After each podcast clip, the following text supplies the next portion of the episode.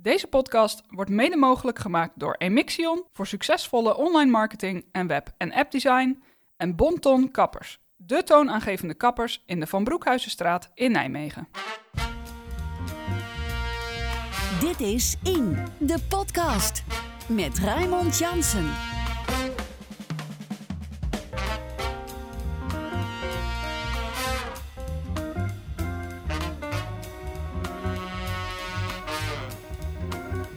Welkom bij de eerste en enige podcast over politieke maatschappij in Nijmegen.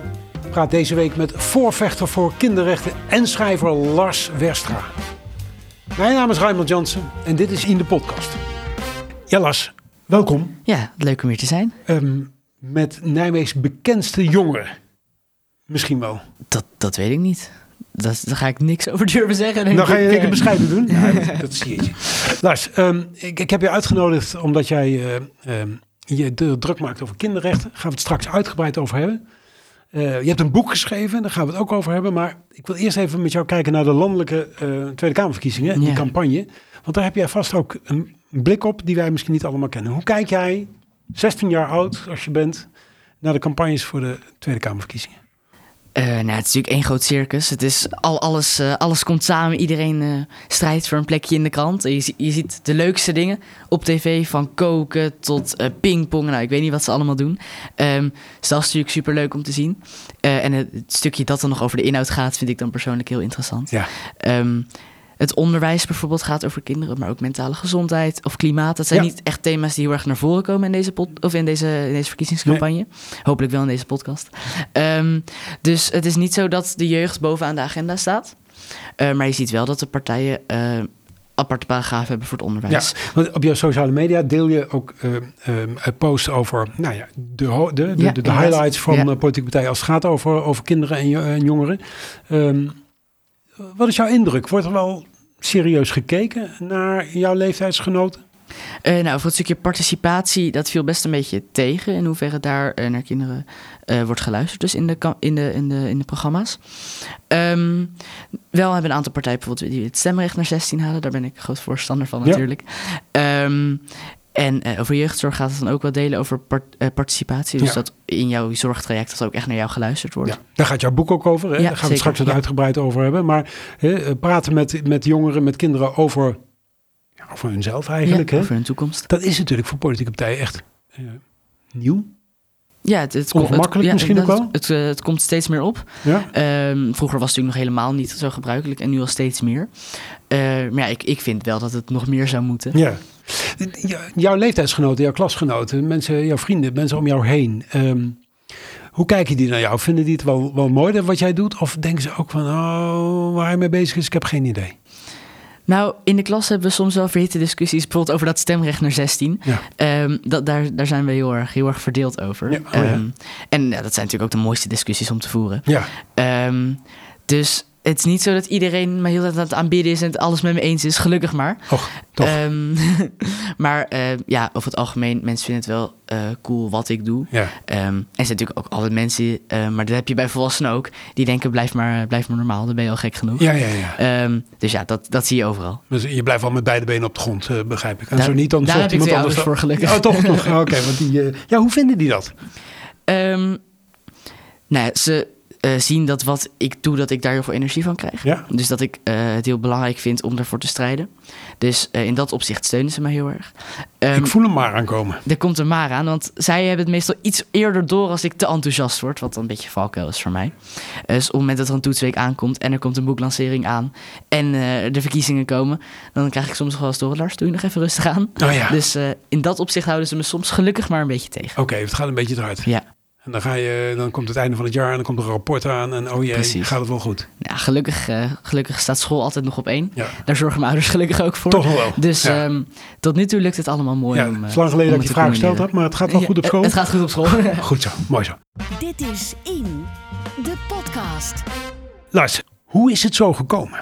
Jij bent 16, je bent meer dan gemiddeld betrokken op een aantal ma- ma- maatschappelijke thema's bij de politiek. Eh, je, gaat er, je bent heel veel pad ook om, om je verhaal te vertellen. Ehm, hoe kwam dat zo? Nou, ik ben er eigenlijk een beetje ingerold uh, vanaf mijn negende. Uh, toen wilde ik een eigen bedrijfje. Oh. Ehm, precies. De waarom heb ik helaas geen antwoord op. Ehm, Wat wilde je gaan doen? ja, dat, dat was het dus. Eh, ik dacht, ik ben waarschijnlijk een van de weinige negenjarigen met een bedrijfje. Ja. Dan ga ik iets doen waar kinderen uniek in zijn. Oké. Eh, en toen kwam ik eigenlijk al snel op het idee van hun manier van denken. Mhm. Kinderen kijken met een hele andere blik naar de wereld. Dus ik ga dan volwassenen adviseren vanuit mijn kinderlijke blik. Dat was zeg maar de opzet van jouw ja, bedrijf. Ja, dat, dat was, dat was mijn businessplan. Ja. Ik dacht met die unieke blik, dan kan ik uh, vast adviseren, kan ik de wereld uiteindelijk een stukje mooier maken. Maar dat gebeurde nog zo weinig. Dacht ik, dan ga ik de politiek adviseren. Nou, dat gebeurt nog helemaal niet. Nee. Eh, dus toen dacht ik, nou, dan is dat mijn eerste doel. Om ervoor te zorgen dat dat een beetje gebeurt. Oké. Eh, dus zo is eigenlijk het recht op Ja, we zijn nu zeven jaar verder. Je bent Ja. een ervaren ondernemer en v- 35 businesslessen verder. Eh, wat, wat, wat, wat is de winst van, de- niet zozeer de financiële winst, maar wat is de opbrengst van die afgelopen zeven jaar? Ehm, ik heb ontzettend veel zelf geleerd. Op een gegeven moment is het omslagpunt gekomen dat mensen, dat ik door had dat mensen een bedrijfje vaak koppelen aan geld verdienen. Terwijl dat eigenlijk Mhm. helemaal niet mijn bedoeling was. Eh, maar zo eh, wordt het dan toch gezien. Dus toen heb ik het omgedoopt tot een kinderrechtenorganisatie.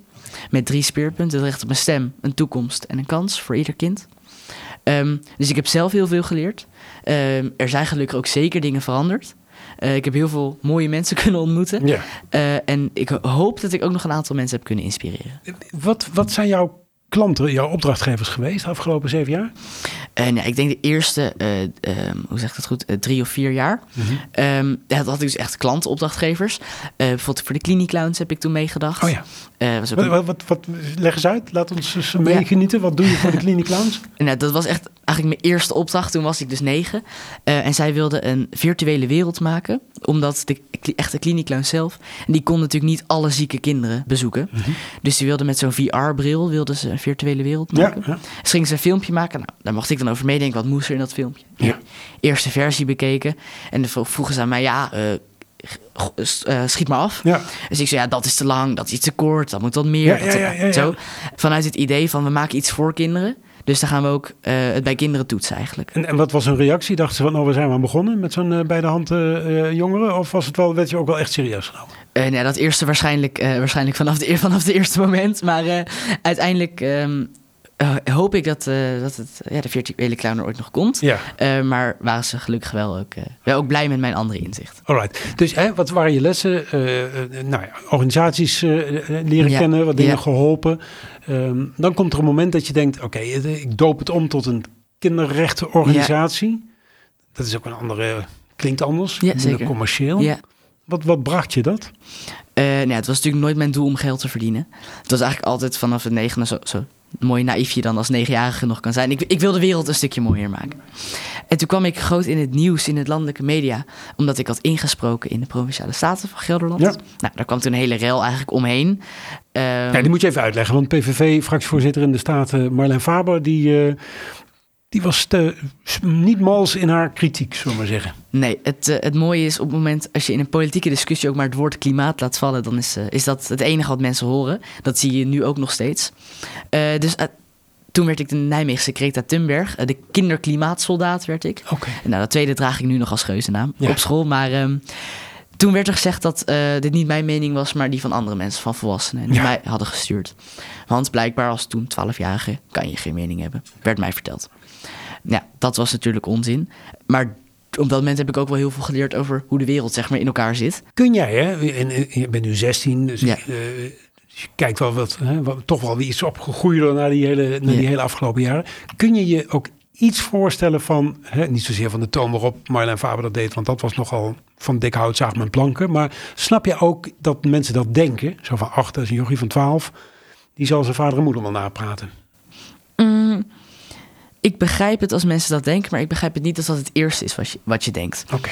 op het moment dat ik daar sta, eh, voor allemaal statenleden, dat ik het heb over een recht op een stem, dus meepraten. Het recht op een toekomst, dat was het stukje klimaat. En het recht op een kans, dat is discriminatie. Dan is het enige wat uitgepikt wordt klimaat. En daar wordt meteen dan van gezegd, dat zal wel door zijn ouders komen. Ja, oké. Daar Maar goed, dat kan is ik me dan niet in Ook volgen. een beetje PVV-eigen, want die, zijn dan allemaal, die kijken nogal anders naar die hele discussie natuurlijk.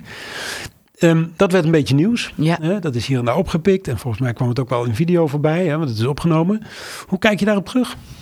Ja, dat was voor mij heel erg schrikken, omdat er voor mij opeens ehm, heel veel op me afkwam. Heel veel mediaverzoeken, heel veel werd er over mij gepraat.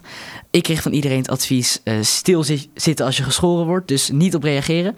Uh, wat ik uiteindelijk ook niet heb gedaan. Nee. Uh, maar dat was natuurlijk wel super frustrerend als allemaal mensen leugens over jou verspreiden. Ja. Dus je er dan niet op kan reageren. Ja. Um, en dan krijg je natuurlijk nog het stukje sociale media waar dan alle haat op komt en alle bedreigingen. Ja, dat is, dat is verschrikkelijk. Ja, maar goed, je hebt het overleefd. Gelukkig maar.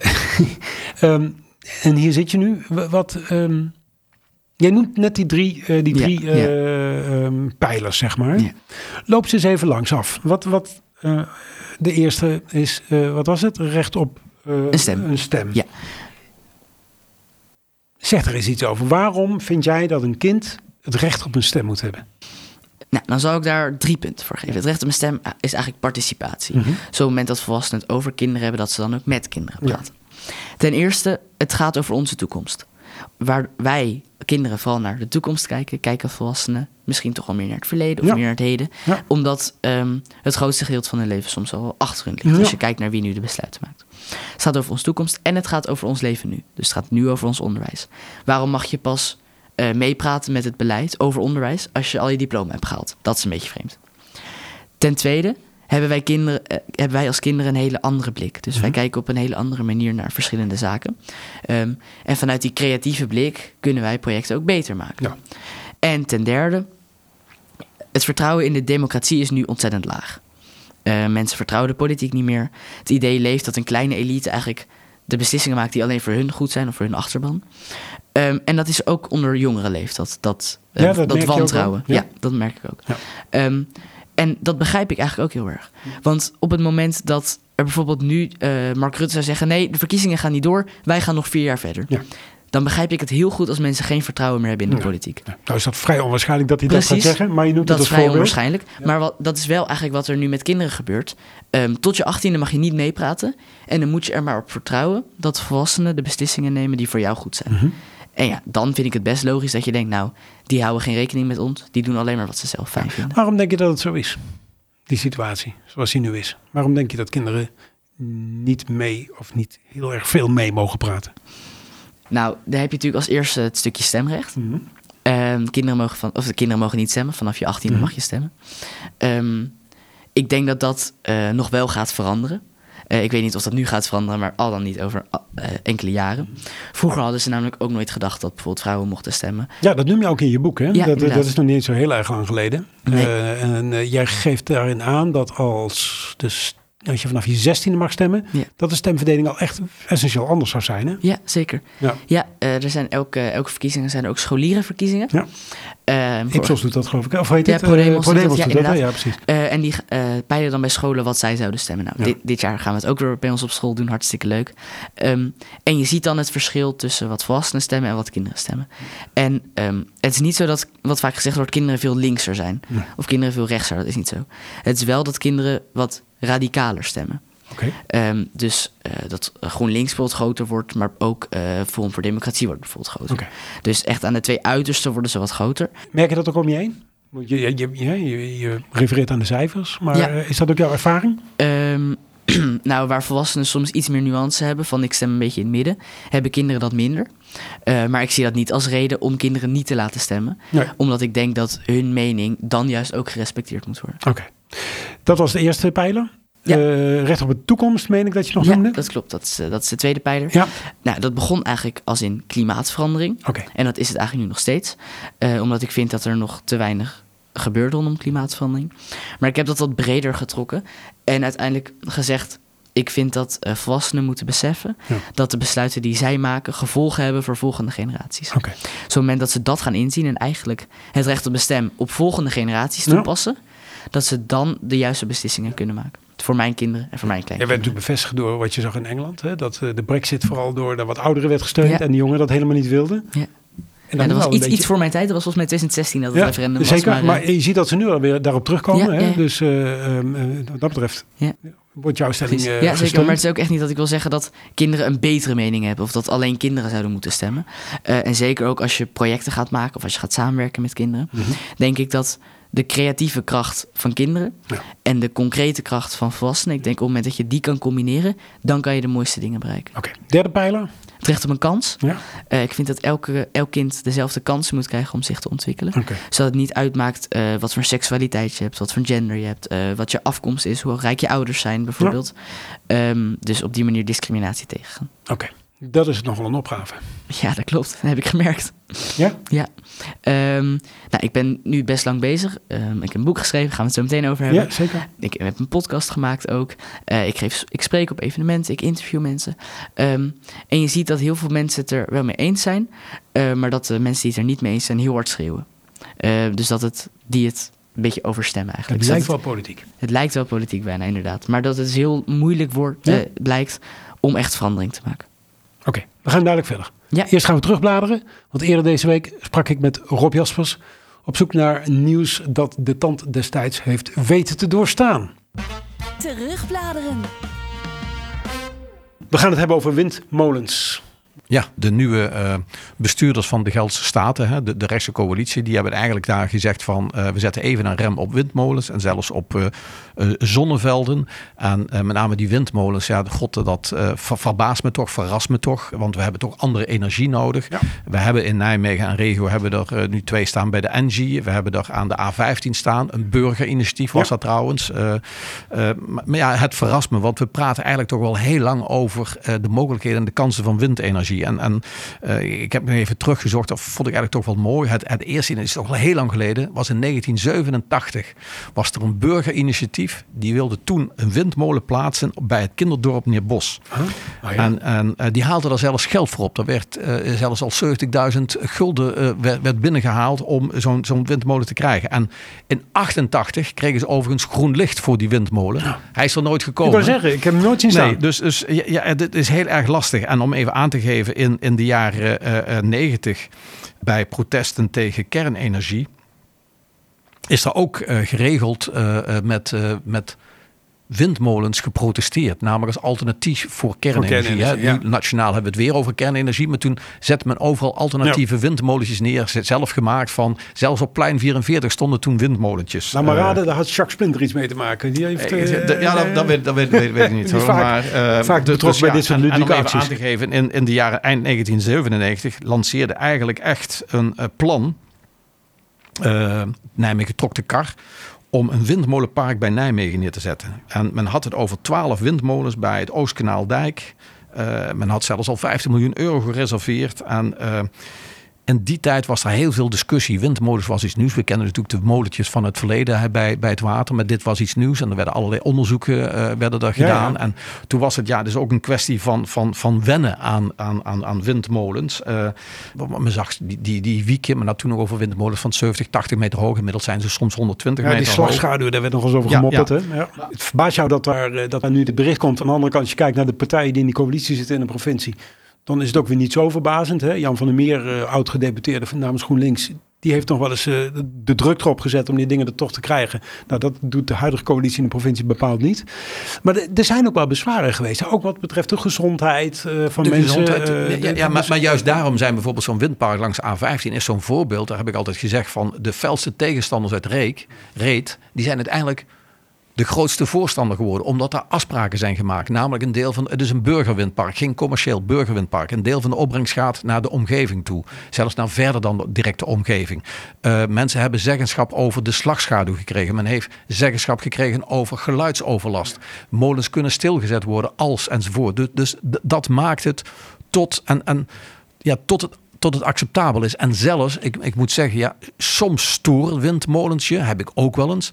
Tegelijkertijd loop ik ook wel eens, bijvoorbeeld in Duitsland, door gebieden waar ik windmolens staan. En waar ik eigenlijk echt kan genieten van, van de kracht die die molens eh, uitstralen. En eh, het, het, het is dat, dat er een, een, ik ken een onderzoek uit 2000, waar zelfs eh, toeristische plannen werden gemaakt. Die lokten recreanten om door windmolenparken te gaan lopen.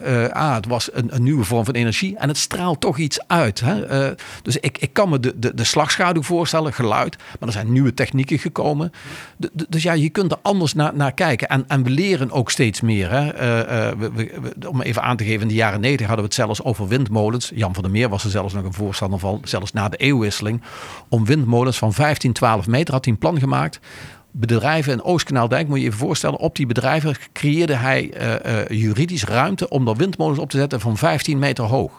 Op de Eh, bedrijven. op die bedrijven. Nu liggen er op sommige bedrijven liggen nu de zonnepanelen. Precies, ja. Maar toen was er een idee van, hey, we kunnen met kleine windmolens omgaan. En zelfs, om even aan te geven, het veranderen. zelfs de nutsbedrijven in die tijd, die hadden een plan gelanceerd dat zelfs burgers konden kleine windmolens kopen. Eh, tot 15 meter hoog. Die moesten natuurlijk, je, die kon je niet in een, wijk neerzetten. Maar als je in het buitengebied woonde, kon je dat daar neerzetten. Dus er was een trend van, hey, wij geloven in dat verhaal. En daarom vind ik nu, als je nu een rem zet. Ja, je moet altijd weten, waar zet ik ze neer? Maar neem burgers mee, dan denk ik dat je best wel stappen kunt zetten. En we hebben andere energie nodig. Hè? De Partij voor de Dieren, ook geen winnaar van de meest recente eh, Tweede Kamerverkiezingen, die waren ook nog wel eens tegen windmolens. Hè? Eh, vogels vlogen er doorheen tegen die wieken aan. Ja. Eh, dat, dat, die waren niet echt een Nee, nee, voorstander. nee, ja. Dat is ook nog wel een bezwaar wat je veel hebt gehoord. Hè? Ja, nee, klopt. En, en er zijn ook wel eens mensen die zeggen: God, als je grote windmolenparken op de zee neerzet, wat betekent dat voor eh, de ondergrond, de vissen, et cetera. Maar, we hebben wel met z'n allen afgesproken: eh, we willen van het gas af. Eh daar komt elektrisch vervoer. Je hebt een ander soort elektriciteit nodig. Het transport van, eh, dat is ook de reden waarom zo'n elektriciteits, een nieuwe elektriciteitscentrale komt, een hybride, mogelijk met waterstof op het energieterrein bij het kanaal omdat je het transport van die elektriciteit heb je nodig. En heb je op verschillende plekken een molen zitten, dan kun je dat makkelijker verdelen. Du- dus het is ook wel een noodzaak. We zijn gegroeid als land. We, we, we, we zijn wel zuiniger geworden. Maar als je kijkt naar het totaal van energie wat we gebruiken, is eigenlijk gegroeid. Hè? Du- Dus eh, ja, je, je moet toch nadenken en iets stilleggen. Ja, ik vind dat niet slim. Ik, ik zou vooral kiezen van. eh, ga vooral in gesprek met burgers. Maak zo- zo- zo'n burgerwindpark. Ik, ik ben er zelf ook lid van. eh, in, in, in, daar, daar bij Ressen, daar, Ressen, daarboven. En ja, dat is de plus. Daar heeft geleerd. Voor mij is altijd het belangrijkste, wat ik al eerder zei. De felste tegenstanders werden voorstanders. En als je dat meeneemt, daar die lessen van trekt, dan kun je op veel meer plekken een windmolen re- realiseren. Dit is In, de podcast. Tot zover Rob Jaspers. Mijn gast deze week, Lars Westra. Hij komt op voor kinderrechten en is ook eh, schrijver van het boek Het Recht op een Stem. Ja. Ja, we hebben net al even in vogelvlucht jouw eh, indrukwekkende eh, loopbaan eh, doorgenomen. Ehm, en ja, het resulteert dus in een boek. ja. Wanneer kwam je op dat idee? Al een aantal jaar terug, in 2021, heb ik mijn eerste boek uitgebracht. Ja. Ehm, maar dat ging niet echt over mij. Dat, dat was meer een medium om zes andere kinderrechtenactivisten een podium te geven. En inmiddels heb ik zoveel meegemaakt, zeg maar. Zoveel mensen ontmoet, Ja. zoveel lessen gekregen, zoveel geleerd over participatie. Dat ik dacht, hoe mooi zou het zijn als ik anderen daarmee kan helpen door al die lessen, zeg maar, Ja. en ervaringen te bundelen. Nou ja, en sterker nog, je hebt het boek niet in je eentje geschreven. Want daar Nee. hebben ze redelijk eh, grote Ja. namen aan, zich, eh, eh, aan, je, aan je gebonden. Ehm, moest, je die, moest je moeite doen om die mensen aan boord te krijgen? Ehm, ja, inderdaad, er hebben twintig mensen meegeschreven aan het boek. Ja. Dat zijn kinderen, dat zijn volwassenen op het gebied van participatie. Ehm, en eigenlijk de meeste daarvan kende ik al. Ja. Eh, had ik al een keer ontmoet, had ik al een keer lessen van gekregen, had ik al een keer iets mee Ja. gedaan.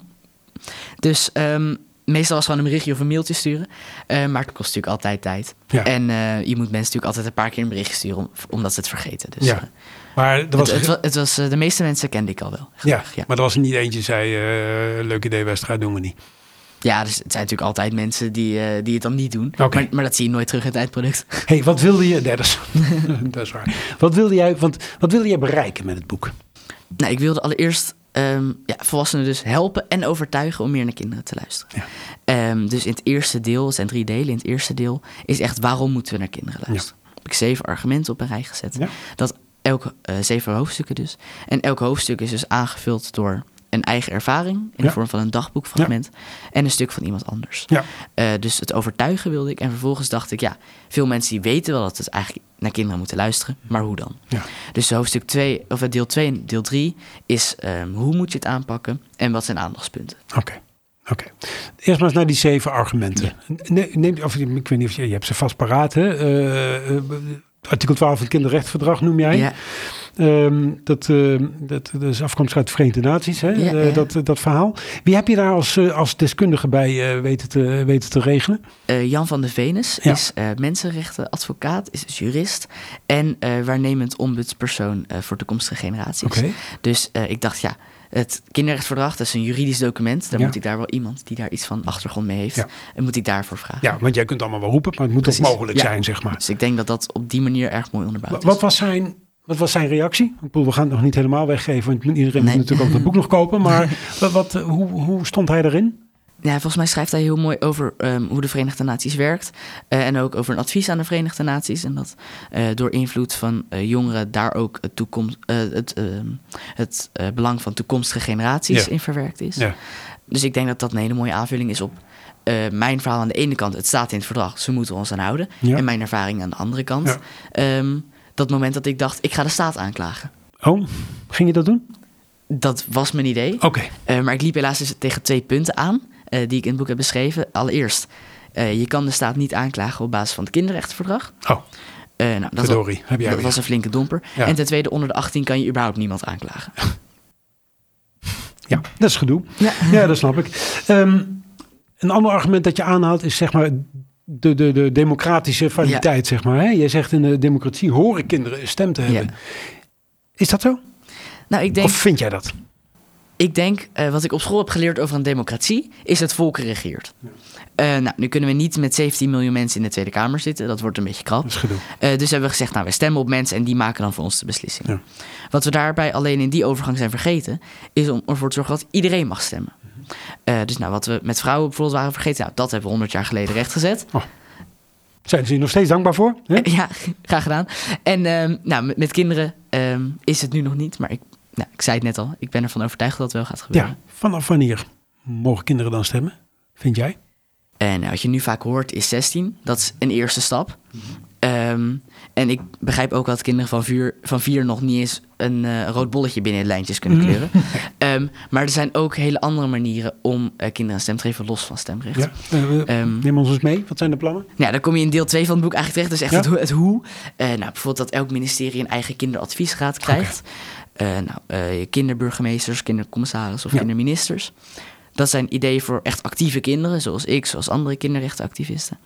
Eh, maar wat je daarbij vaak vergeet, dat zijn de, de onzichtbare kinderen, die Mhm. worden zo genoemd. Die eh, geen geld hebben bijvoorbeeld om elke keer op en neer naar Den Haag te gaan. Mhm. Eh, die er geen tijd voor hebben, die het misschien niet durven. Of die om een andere reden die mogelijkheden niet Ja, hebben, die ik wel dat krijg. op te lossen. Precies. En daar heb je bijvoorbeeld een ideeënbox heb je daarvoor. Kan je een prijsvraag uitschrijven. Ja. ehm, op die manier de mening en de ideeën van kinderen uit te Ja. schrijven. Hey, en ehm, ehm, hoe wordt dat dan een bindend advies? Of wordt dat een, een, een, raadgevend advies van die kinderen? Hoe, eh, wel- welke status gaat dat krijgen volgens jou? Ehm, nou, ik vind dat altijd in dialoog moet gaan. Dus sowieso niet bindend. ehm, want dan moeten het gekozen kinderen zijn. Ehm, Zo, jij kunt op je 16 al polderen, zo te horen. Zo werkt het in een democratie. Ja? Ehm, maar ik vind wel dat er serieus naar gekeken moet worden. Eh, bijvoorbeeld door middel van een serieuze terugkoppeling. Nou, komen we alweer in, in deel 3. Ja, Ehm, dat is erg belangrijk. Dat is iets wat eigenlijk altijd mist als het gaat om jeugdparticipatie. Hetgeen wat kinderen noemen. Wat hebben jullie met mijn ideeën gedaan? Kind stopt heel veel moeite in een advies. En vervolgens hoor je, we gaan het niet doen. Er is geen geld. nee. Of je hoort helemaal niks meer. Dus als er geen geld is, oké, waarom is er geen geld? Waar gaat het geld dan wel naartoe? Kan er nog op een andere manier geld komen? Om het zo serieus terug Ja. te koppelen. Jij noemde net ook al kinderburgemeesters. Hè? Ehm, Amsterdam heeft volgens mij eentje Ja, gehad. Er zijn ja. wel meer steden, Ja, denk er ik. zijn hè? best veel steden die kinderburgemeester hebben. Nijmegen nog niet. Helaas. Wordt daaraan gewerkt? Het laatste wat ik hoorde is dat ze bezig zijn met een visie op jeugdparticipatie. En dat net- klinkt wel heel ambtelijk. dat klinkt wel politiek, hè? Ja, ja. Maar dat, dat is dus nog net niet rond, zullen we Nee, zeggen. nee maar, ehm, Nee, maar dat, dat, dat, is gaat nog lang duren, bedoel ik. dat gaat- zo beluister. inderdaad zo. eh, het- ik hoorde het al een tijdje geleden, maar we hebben wel een kinderraad en een jongerenraad zelfs. Ja. En eh, nou, ik heb gepleit om dat uit te breiden, om dat te versterken. eh, om daar meer, meer geld naartoe te gooien, om dat, daar beter naar te luisteren. Ja. En daar is de gemeente nu wel echt actief mee bezig. Het laatste argument dat je aanhaalt, en dan, want je maakt het bruggetje al naar die andere hoofdstukken, is eigenlijk waarom niet? Ja, Waarom niet? ja ik weet het niet. Dat, eh, dat is het antwoord dat ik helaas niet geef in mijn boek. Nee. Maar ehm, wat ik wel aangeef is eh, waarom de vraag... waarom moeten we naar kinderen luisteren? Eigenlijk best een vreemde vraag is. Mhm.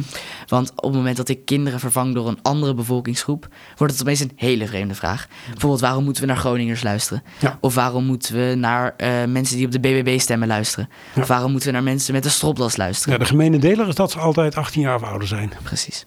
En de vraag wa- waarom moeten we naar kinderen luisteren? Nou, dat is een vraag die ik nog best vaak krijg. Ja. En wat zeg je dan? Waarom niet? Waarom niet?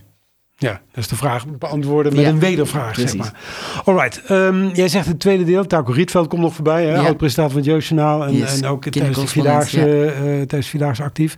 Ehm, hoe, heb je ook al aangegeven, hè? Eh, allerlei inspraakorganen eigenlijk. Hè? Ehm, gaat dat effectief worden? Met andere woorden, want inspraakorganen zijn doorgaans ook niet eh, ken- gekenmerkt door heel veel vaart en snelheid en, en daadkracht.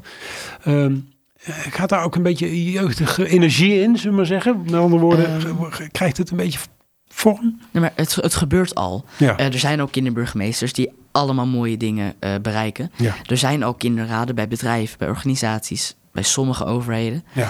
Ehm, dus het kan. Het moet alleen nog meer gebeuren. oké. Eh, en wat je nu vaak ziet is dat volwassenen... eh, en bijvoorbeeld, bijvoorbeeld dat een gemeente een kinderraad op wil zetten... maar moeite heeft met het hoe. Ja. Ehm, en dan denk ik, ja, ga dan naar de buurgemeente... want die hebben al een kinderraad. Ja. Ga met hun uitwisselen. Dus dat beschrijf ik in het boek Vraag om hulp. Er zijn genoeg kinderen en volwassenen die staan te springen om te helpen. Ja, toch. Tot slot, jij eindigt met een dagboeknotitie van, wat is het? Je kleinzoon Ja, in 2000? 2100. Oeh, nog verder weg. Ja. Wat, ehm, wat is, want dat is natuurlijk een soort vo- vooruitzicht, hè? Een, een, een, een, een, een wensdroom. Hoe ziet het er dan uit? Wil je dat ik hem voorlees? Ja, doe dat maar eens. Vandaag vierde ik mijn achtste verjaardag. Mijn opa en oma kwamen langs. Van hen kreeg ik een klein potje van iets wat ik niet herkende. Het zag er glinsterend uit, met een soort gouden gloed. Ik vroeg wat het was en mijn opa moest slikken. Ik merkte dat hij verdrietig werd toen hij zei: Het is honing. Ik wist helemaal niet wat honing was, dus ik vroeg hoe het gemaakt werd. Dit wordt niet meer gemaakt, zei mijn opa. Het werd gemaakt, vroeger. Bijen maakten dit, vulde mijn oma aan. Kleine beestjes. Ik was erg verbaasd. Kan een klein beestje dit maken? Mijn opa antwoordde: Jazeker. Dat iets misschien klein is, betekent niet dat het geen grote dingen kan. Ik vond het magisch. Mijn opa vervolgde: Hadden ze dit vroeger maar ingezien? Waren ze vroeger nou maar doorgegaan met de kleinste mensen uit te nodigen aan de grootste tafels? Dan had de wereld er waarschijnlijk heel anders uitgezien. Het leek even goed te gaan. Ze luisterden naar ons. We kregen een plek aan de grote tafel. We mochten meepraten met bedrijven, met organisaties en zelfs met overheden. Ze luisterden toen we ons zorgen maakten. Toen we ze vertelden wat wij belangrijk vonden. We wisten dat we door elkaar te respecteren tot de mooiste dingen konden komen. Want alleen samen konden we de problemen oplossen en de wereld een stukje mooier maken. Even waren we gelijkwaardig. Konden wij hen helpen en zij ons. Steeds vaker voelden we ons gehoord en voelden we dat we impact maakten. Het was zo eenvoudig om deze goede lijn door te trekken. We wisten hoe het moest en wij, de kinderen, stonden te springen om te helpen. Toch kregen we niet het podium waar we op het einde zelfs voor smeekten. Weet je, zei mijn oma, sommige van hen waren er niet eens meer op deze aarde toen de bijen uitstierven. Laat staan dat ze nu zien hoe ze de aarde hebben achtergelaten. Ik zou willen dat we terug konden in de tijd, naar toen we het nog hadden kunnen redden. Ik vroeg haar naar welk jaar we dan zouden moeten gaan, wat het omslagpunt was. Zonder twijfel, zei ze, 2023. Dat was het jaar waarin we jeugdparticipatie konden gebruiken om de verwoesting van onze aarde en onze maatschappij tegen te gaan. Dat was het jaar waarin iedereen moest beseffen dat het normaal was om naar kinderen te luisteren. Dat was het jaar waarop we alles konden voorkomen. Kijk, dat is toch een klein beetje hoop aan het einde van een toch wel verdrietig eh, relaas, als je het zo Ja. beluistert. Komt het goed? Ja, ik hoop het. Eh, Volgens mij de laatste zin is, eh, zullen we het voorkomen? Ja. Het is aan u, want de volgende generatie is er klaar voor. Kijk, mooi. En jouw boek te kopen. Ja, nou, mijn, eh, mijn doel is om volwassenen te overtuigen en te helpen om meer naar kinderen te luisteren. En dat heb ik gedaan door mijn boek Het Recht op een Stem te schrijven. Dat is vanaf eh, vandaag al te pre-orderen op het rechtopenstem.nl. En eh, maandag 4 december sta ik in Lux Nijmegen mijn boek te overhandigen, het eerste exemplaar, aan prinses Laurentien van Oranje. En ga ik in gesprek met een aantal, medeschrijvers. Nog een keer, www. Het rechtopenstem.nl. Dankjewel man. Dankjewel. Tot zover. En het enige wat mij rest is u te wijzen op de column van Vincent Kantrijn. Eh, Morgen vanaf 4 uur te lezen op onze website www.indepodcast.nl. Maar ga vooral ook naar die andere website van zojuist. Dit was aflevering 100. Ik heb geen idee. Dankjewel. Ik, eh, dit was aflevering 133 van In de Podcast. Redactie en productie waren handen van Rob Jaspers en mijzelf. Mijn naam is Raymond Jansen. Techniek David van Haren. Audio nabewerking Thijs Jacobs. En heb je nou vragen aan ons, mail dan naar redactie.indepodcast.nl. Ook voor suggesties voor gasten of allerlei andere opmerkingen. En volgende week, dan zit Rob Jaspers hier weer. Dit is In, de podcast.